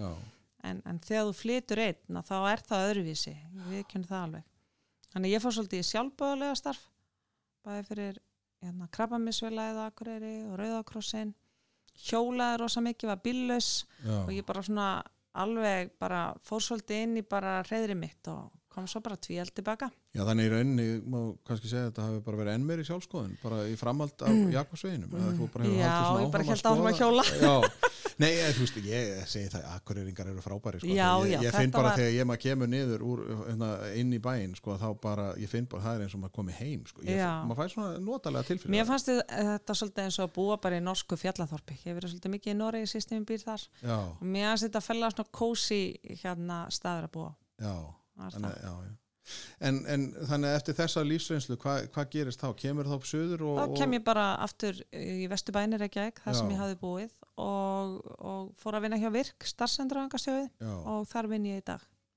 Þannig, já, þannig að þú ert alltaf að vinna með fólki og þú Já. ert að peppa því upp, peppa, peppa því upp. Peppaði ég upp. Já, þetta var tungumála þátturinn hérna, þannig að þú ert í þessu peppi og svona Mhm. koma því ánfram og hafa trú á Mhm. sér og, og Mhm. allt þetta Já, en síðan er það að þú tekur ákvörðun að setja hérna að búa til bók já, ég náttúrulega var þess heiðus aðnjótandi að fá þessa bók í Mhm. hendunar og er svona las fyrstu þrjá sögurnar las ég með sögunum hann flugfrið eða sem sagt vinamissin þetta var svona fyrstu þrjár hana já, og, og en þú sagði mér þegar við hittumst að, að þetta og líka það stendur í, í sem sagt, fyrir orðum eða hvað heitir Já, það? já. For orðum inngangi. Guð mig Í fórorðum. Já, ég, þetta er sem danska fyrir ekki, þú veist, maður er náttúrulega ekki í lægi, sko. Nema hvað, já, að þú segir að þetta hefur líka, þú veist, þú ert ekki standi í þessu ein, Mhm. þú þurfti bara að, að afla þér upplýsinga og þú ert bara búin að, þú kannt allt væntalega um, sko, einhver blöð og þykkt á blöðum og bókakápur og eitthvað svona. Já, þetta er að vera mjög lært á síkt. Og hvað, ég meina, hvenar er það sem þú, hvenar ákveður maður, bara lást upp í rúmi í daginn, búin að vera, þú veist, helgi, búin að vera kannski virk og vera að peppa fólk upp og svona, svo Nei. bara allt í einu, annarlóa, geð út bók. Já. Ég, ég var stödd í Flórida með vinkonu minni. Já, og ég er eitthvað að segja við hann að, að mér náttúrulega langi svo ég, þetta búið að vera draumi lengi að út bók. Og ég var byrjuð á okkur skáldsögu. En þá var eitthvað nefn, það lá ekki eins vel fyrir mér að þú veist, þó að ég væri með stert ímyndunafla eitthvað svona þá bara, úf, það var alltaf eitthvað rosalega hallarislegt. En, en svo hugsa ég ég á þú veist, trilljón pisla og bara marga sem mörg þúsund manns hafa lesið, hvað er ég eitthvað hverju nýti ég ekki eitthvað að því? Þannig að ég ákvað bara auðvitað ég bara skrifa bók þar sem ég nýti eitthvað að mínu efni og bara kannski skrifa eitthvað nýtt líka. Og hún sagði gerði þetta bara. Og talaði um þetta ofta að bara gerði þetta. Já, og þannig að við sátum hann út í Fló- Flórida og ég ákvað, ég átti enga að gefa út bók þannig ég ákvað að, að stopna svona söfnun á Karolínafönd já, já, eins og bara stórsniðugt. Já, heyrðu og ég á tímabili var eiginlega vona ég myndi ekki ná því- ég vissi þú ert svolítið svoleiðis, Já. sagði bara, nei, nei, ég ætla ekki að fara þarna inn. en hérna svo bara þetta var frábært náði ég þessu og, og þá bara sjö mánuðin síðar bara er komin bók sko þetta hefur bara, þetta ferlið er bara svona stuð. Já, ég var bara búin að fá peningana í oktober og bókin kom út núna bara í april Ég sá þetta alveg fyrir mér sem bara eh, mörg ár. Fólk talaði þannig við mig, það var alveg að hvað þú bjarsi nerti, þannig ég ætla bara að gefa hann út núna í mars, april góð. Já, en ég bara, já, ég bara var rosalega bara, ég er ég er svona svolítið manisk þannig ég bara, ég bara hætti ekkert fyrir ég var búin þannig að það er kannski alveg ágætt að þetta var ekkert lengra ferli. En ef Ég- ekki að kalla það frekar í stæð fyrir að kalla það manni, ef ekki að kalla það keppnis. Jú, keppnis, ég er svona það, það keppnis. er svona, þú veist, að þegar maður það er náttúrulega líka þetta með að, að láta hlutina ganga, Já. þegar maður kannski fer að hæja á mm að þá er svo mikil hætta á að þú farir að það, skilur, eh, það er oft þannig að maður er, maður er svo pumpaður að maður bara klára þetta og svo kemur ykkur svona hóll að þú verður að fara yfir hann Já, af því ég held eins og með svona verkefni og öll skapandi verkefni, þú færð oft svo mikið leið á þeim. já, Þannig að ég hugsa bara, með góður ef ég ætti að vera með þessa bóki eitt og halvt ár, ég hef aldrei gefið hann út. nei, Ég bara, þú veist, þetta var fýtt tími. Það bara, ég satt við og ég bara, ég fekk hérna hönnunarskristoð til að hjálpa mér að hanna, hún er mjög fallega hönnu já, bókin já, og þau, hérna, hún heiti Jessica og það er konsept sem að, hérna, alltalega að segja frá því sem að hjálpaði mig þarna og þau heldur mig líka við strykja því það var alveg bara næst gerir við þetta og svo gerir við Já, þetta og já. eitthvað og svo bara, já, lesa yfir og það gekk allt einhvern veginn bara gekk allt upp já, og svo bara var hún komin og ég bara, bara er rosalega hamingjusum. já og hún heitir Hamingjuhóðnið Nei, hún heitir það sem ég hef lært. Nei, þú heitir það, en þegar hún byggist á því Já. sem hún skrifar í Já, Hamingjuhóðnið já, já, já, já, gleymdi mér aðeins. Já, þannig að, að, að þetta er náttúrulega og ég, eins og ég segi, ég náði að blaða aðeins í hana. Já, og þú skiptir henni upp í svona, sem þetta er svolítið sorg, ást já. svona, er- Sambönd, kvíði, já, meðvirkni, og þú, Ég þú, svona- kall, já, þú kallar þetta bara já, svona það sem ég hef lært um ástina, það sem ég hef lært um áföll, af því að mér finnst svo mikilvægt, þetta er það sem ég hef lært, en ég get verið búin að læra eitthvað annað á morgun, þannig að Já. ég vildi ekki að veri, ég er alveg með fræðubækur sem að ég vísa í líka, en, en þetta er það sem ég tek út frá mínu lærdom, þetta er það sem ég hef lært, það, ég skrifaði líka, margtaði sem þarna skrifaði eru hlutir sem að ég var að skrifa um því ég var í sálgæslunáminu, því ég var í ráðgjafanáminu og svo hef ég búið til sögur, ég elska að segja sögur, já. Þannig að þetta er svona bara sambland af því. þannig, að- já, og svo er þetta náttúrulega bara þannig að svo eru við náttúrulega líka þannig sem manneskjur og þá Mm. er náttúrulega líka, þú veist, við erum ekkert alltaf í ást, eða þú veist, það er, svo kannski kemur eitthvað skakkaföll og þá Já. er náttúrulega kannski ágætt að ná í bókina, Já. hvað hafði annar að lært um þetta, þú veist, Ég svona hugsaði mér hana þannig, ég hugsaði mér þetta svona coffee table bók já, og ég hugsaði að þú, hún er að vera falleg þannig að þú getur hugsaði að hafa hana á borðinu inn í stofi hjá þér og svo myndur þú bara opna hana og lesa það sem að væri að tala til þinn þann daginn. já, Ég sé ekki endilega fyrir mér að þessi bók svo bara opnir og lesi frá upphæði til enda. nei, Mér finnst sjálfur rosalega gott, ég les mikið mér finnst rosalega gott að, að vera með svona bækur sem eru svona súpur fyrir sálina, að ég kalla. Já, það er bara, já, eitthvað krydd, eða Já. veist, það bara flettir og svo dettum hann niður á eitthvað skemmtilegt. Já, Þannig að þetta er, en, en hérna meðvirkni og svona, hefuru sko, af því að meðvirkni, kvíði, mm uh, merkilegt að því að sonum minn er að skrifa rítgjörnum kvíða, veist, þannig að Mhm. við erum voðalega mikið þar núna, já, en meðvirkni er ég búin að tala um við. Gíður Dröpp sem kom inn að, sko, Já. hefuru, sko, að hvað leiti hefur upplifað, sko, hvernig læriður meðvirkni, eða um Já. meðvirkni, sko, er þetta þá líka út frá þinni eigin reynslu? já, já, já, ég er mjög meðvirk og ég Já. er líka búin að fá kvíðakast og þannig að margt af þessu er bara að, og ég segi alveg frá því í bókinni já, ég meina ég, þegar ég fekk fyrsta kvíðakasti mitt held ég var að fá hjartaáfall. Já. af því að það voru aðrir sem fengu kvíða. Ég fæ ekki kvíðakast. Hrókin var svo mikill að að ég fer upp á, fór á bráðavakt og hér bara ég var að fá hjartaáfall og það læknir sagði mér er eitthvað mikið að gerast í þínu lífi? Þá bara, ég var bara í hann sko, hann var ekki við skein það var mjög lærdomsíkt og, og, og þá komst ég bara að því að ég var búin að vera með kvíða í mörg ár. Og hérna ég held bara að kvíðið var einhvern veginn alltaf öðruvísi En, já, en, en er þetta þá aftur hvernig við erum, Mm. Íslendingar mm, að þú ert, þú veist, þú ert þá, fyrst þú ert keppnis mm að þá ferðu væntalega, þá ertu líka búin að fara á hlutunum á nefunum, já, já, já, þá kemur náttúrulega líka, þú veist, að þá þarf það að standa þig, já, já. veist, þó, það, það er þessi ómeðvita kannski pressa sem við sem manneskjur já. setjum á okkur Já. og við vitum ekki hvaðan kemur já. jú, jú, oft er það foreldra foreldrarnir sem eru alltaf að lúra alltaf Já. fyrir aftan í einhver staðar af því að þú ert búin að, já, statu þig okkur férst Já. ekki 8-5 eða þú komst með 7 sko? Ég held þetta sé hjá okkur í Íslandingu sé þetta bara dýbra, við bara við höfum alltaf þurft að vera dugleg og það bara dugnaður og það að, að harka af sér var bara talin degð þannig að það að ég bara til dæmis beit saman jökslum því ég var að fara í jarðafæri svo ég myndi ekki gráta sko þá Já. bara er maður að byggja upp spennu sem að fær svo útrás kannski bara í kvíðakasti já, þannig að ég held þetta bara sé svolítið bara rótin í okkar menningu að við höfum þurft að vera dugleg og við bara við erum að afþýðast núna smán saman skilur Já. það má tala um tilfinningar og það má segja að ég bara mér bara líður ekki vel og við erum alveg á réttri leið. Mm, þetta er bara búið að taka tíma. Já, þannig að ég held þetta sé bara hluti að því að við búum hér í uh, norðrið það sem er búið að vera mjög harbilt og við erum búin að fara í gegnum alls konar hluti. Þó að okkar kynsluð hafi farið nokkuð vel í gegn þá er svo stutt síðan að það var bara, bara hræðilegt að búa hérna.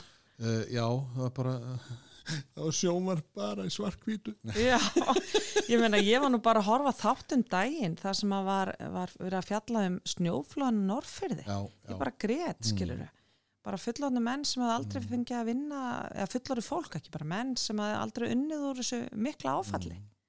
Sem að er líka talandi um að fara á hnefunum sko. Já, að, að það einhvern veginn bara þetta, að því að við erum búin að vera í dönsku orðum og ennsku Mhm. orðum, að þá allir koma með þú veist, þetta er svona suck it up. Já, hvað er þetta? Já, Komdu, haldu bara fram að, að, að, að því þetta er þetta er alveg En Það er svona verðum við að vera duglega að tala um þetta því þetta er ekki illa meint held ég að veist, við bara, við bara vissum ekki betur. Við erum, við erum alltaf að læra meira og, og þess vegna hef ég lagt svo ofur áherslu að það að við, við tjáum okkur hvernig okkur líður og ef við getum ekki tjáð það að við séum meðvitum að við þurfum þá að gera eitthvað svo okkur líður betur því að það er ekkert öllum tamt að tala um hlutina. Nei.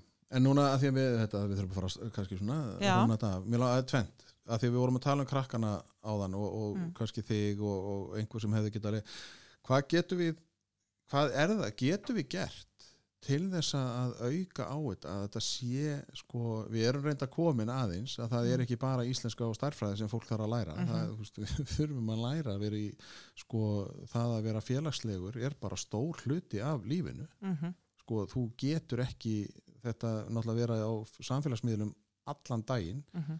þú þarft að geta að tala við fólk Mm sko, ekki það að mér finnst rosalega gaman hvað er mikil og, og það er óbúslega gróska hjá okkur. -hmm. en, en er við veist, hvað getum við gert til þess að vera duglegir í þessu, erum við nóg dugleg? Að, að sko íta undir þú veist, að því að einu sinni þegar við vorum að alast upp að þá sko þú áttir helst að verða eitthvað að þú áttir að vinna í banka eða sko, og það að verða kennari var náttúrulega bara dauða sinn hjá Mhm. sko mörgum, mm því það var nú bara eitthvað lástjættar dæmi sko. -hmm. þó að það hafi verið hástjætt Mhm. áður Já, meinar þá ít undir bara það að Já, sköpunagleði Já. og, og sko að, að krakkar trúi á að, að það sem þau eru að gera er merkilegt, eða Já. skilur eða merkilegt, þetta er nú Það skiptir máli Já, fyrir þau. skiptir máli Já. að, að það er bara, ég ger þetta svona mm mér er alveg saman hvort að þú, þú veist, aftur Mhm. þó að ég Mhm. fái sjö og þú fái níu þá Mhm. erum við ekki, það er ekki sem dæmir okkur, -hmm. Mhm. launin okkar verða alveg svipuð sko Já.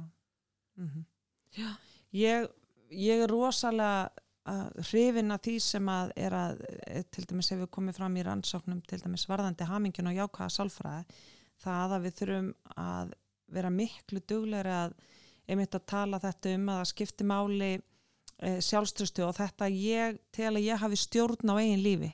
Þú veist, ég er ekki að lifa lífi mínu eins og laufi vind eftir hvað öðrum finnst, heldur hef ég stjórn á eigin lífi. Já. og við þurfum að hjálpa krokkanum okkar að finna sinn tilgang fyrir sig, Mm. finna styrkleika sína.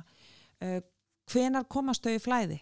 Þú veist, akkur, akkur spottaði það engin að ég var bara þú veist, eins og þú sagðir, hefur ekki bara verið að skrifa leikrit, jú, alveg pottjætt þú veist, ég var mjög skapandi ég var frábær penni bara strax sem batn ég hef fundið bríð sem ég skrifaði sem batn og það bara, var frábær penni mjög ung Já. uh, að við að við séum svolítið að skoða eftir hvað gildum viljum við búa þú veist, við erum alltaf að lendið í svona cirka tíu ára fresti að það verður hrun þú veist, akkur verður hrun ég er ekkert að segja núna er það náttúrulega allt öðrun tókin áður Já. en, en hver eru gildin okkar? Hvað er það sem skiptir máli í þessu samfélagi? Fyrir hvað viljum við tikka? Og akkur eru við að, að setja störf svona mikið á vogaskálanar í staðan fyrir að segja það eru öll störf jafn mikilvæg það er hver þú ert þegar þú Mm. sinni starfinu sem skiptir máli. Þú veist, það eru, mér finnst sko að þetta, þetta manneskjulega, við verðum, að, við verðum að fara svolítið meira þar inn Mm. það er til fag sem heitir lífsleikni erum við að nota það eins og var, eins og var hérna lagt upp, með, Ég efast það. Veist, ég lærði það að ég var að kenna og tala rosalega mikið um, um tilfinningagreind og Daniel Goleman, þú veist, þetta að fresta umbun, erum við að hjálpa bönnunum okkar í dag að hafa rými til að býða eftir hlutum, þú veist, í öllu þessu áreiti sem er, þú veist. Og það að láta sér leiðast mest í gamla dag, þú er holdt að láta sér leiðast, það er bara svo mikið sannleikur í því. Já, þá fyrir við síður að deyfa með áfengi eða einhverjum efnum. Þannig að, að ég held við þurfum að fara líka einhverju leiti þá þurfum við að nýta alla þessa frábæri tækni sem er til staðar en við þurfum líka að vera svolítið duglega að fara back to basics. Þú veist, hvað er það sem skiptir máli? En nú er náttúrulega þessi, að því að þá kannski getum við tekið framtíðina, því að þetta var kannski svona fortíðin og hvað við getum gert, jú, með, með krakkana og stiðja bara komandi framtíðir og svo framtíðir. Þú kemur með þessa bók þá í mars. Mm og svo er bara á sama tíma eitt stykki COVID -hmm. sem er náttúrulega, og sem sýnir náttúrulega líka að það er hægt að gera ímislegt og hugmynda auki fólks Mhm. bara, mér finnst þetta geggjað félagsmiðstöðarnar að ég er nú úr þeim geira Mhm. sko að, að allt í einu er bara að fara að nota þetta og það er verið að spila Mm. playstation leiki og íþrótta, þú veist, ég held ég væri komið bara á völlin, sko, ég var bara, Mm. hvað er ekki bannað, þú veist, þá voru þeir að vísa sko, starfsmynd að lýsa leiknum á meðan sko, ég, ég hló, sko og hvað þau gerðu, til þess að ebla og fá krakkana til þess að vera sko virk nákvæmlega og, en svo kemur þessi bók og svona en hvernig sérðu þá, sko, að því að það er alveg nokkuð ljóst að við erum ekki að fara aftur í eitthvað normal, eða, veist, það er ekkit, við erum ekki að fara tilbaka, Mhm. þannig að það er eitthvað nýtt normal skapandi kraftur aftur að koma ykkur út úr þessu Já, bara já. þannig. þannig, en, en hvernig sérðu sko svona hamingju þú veist, hvernig, hvernig getum við hvað er að gera til þess að fá fólk til þess að hugsa meira um veist, hvernig er ég eða, veist, og, og, Mhm. og hvað gerir ég og hvað vil ég Mhm. við erum ekki að tala, þá er ég ekki að meina eins og að fólk sé ókslega frekt eða, nei, veist, nei, það er bara eins og ert búin að koma inn á já, hver er ég og, Mhm. og hvað er það sem gefur mér gildi eða Mhm. mín gildi mhm kjarnað viðhorf já. sko, hvernig Já, maður það bara hafa sko, þú þarft að þú þarft að vilja fara aðna til að fara aðna En Þú maður alltaf að fara á botnin til þess að geta farið, sko, það alls er oft ekki. þannig að fólk Já, segist, það að oft fólk þannig. segist fara á botnin Já, og byrja svo að byggja sig upp og segir, Já. ef ég hefði ekki farið á botnin. já, ég veit það en það er náttúrulega ég held að þurfa alls ekki að vera þannig og ég er bara gott dæmi um það, þú veist, ég er bara forvitin manneskja sem hefur alltaf verið að pæla í því hvernig get ég verið betri í dag heldur en í gær, Já, veit þetta klísjukent en ég hef bara alltaf verið þar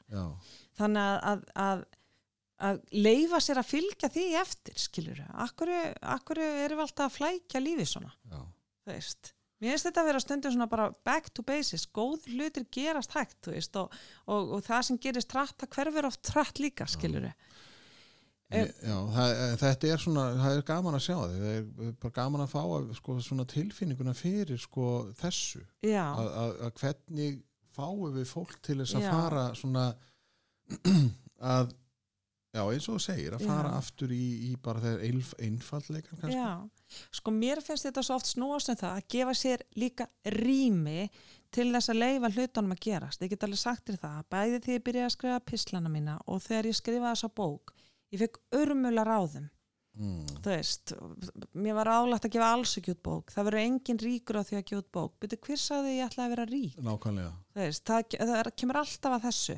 Þú veist ekki hvað þetta er mikil vinna. Jú, ég er vun að vinna mikið. Þú veist, og þegar ég segi við fólk þetta er eitthvað skemmtilegast að sé ég gert þá kemur eitthvað svona já, nú eitthvað skrítið fyrir þetta.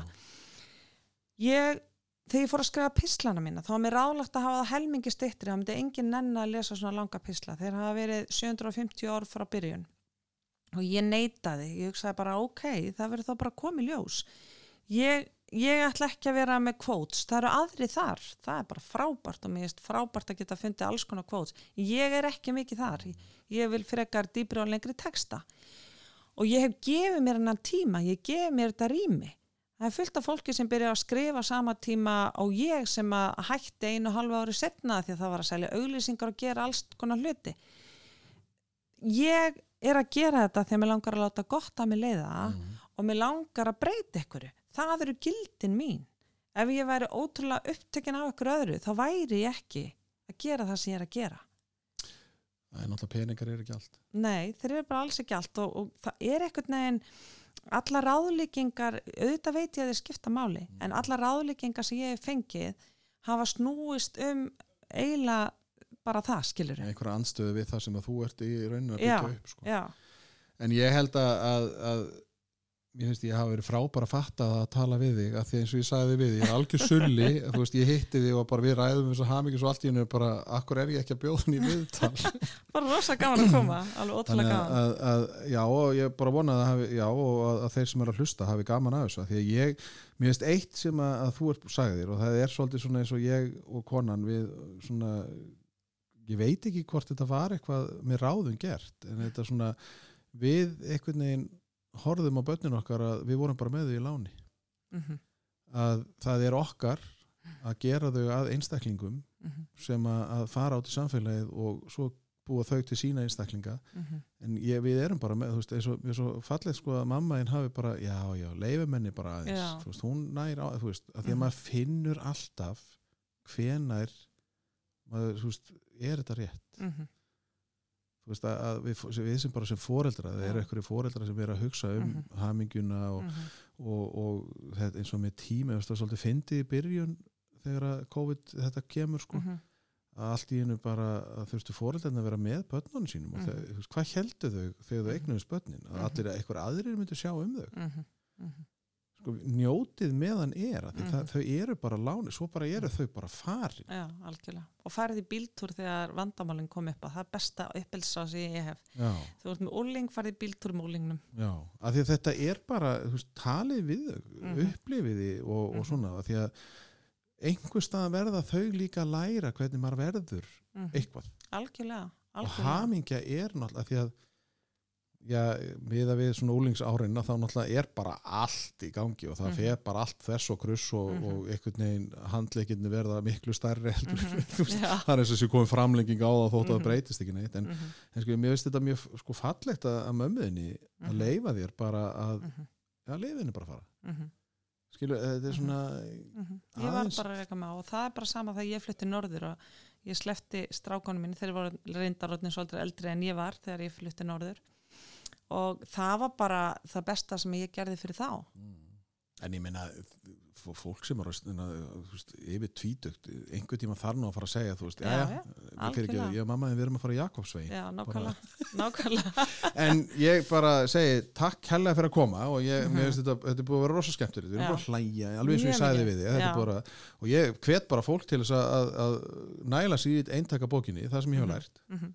Allt, allt sem ég hef lært. Nei, það sem ég það lef. sem ég hef lært. Og, og að þetta er mjög skemmtileg svona, ég hugsaði því ég horfði á hana svona, þetta er eins og servietta. Eða þetta er svona Já, er er ferhind.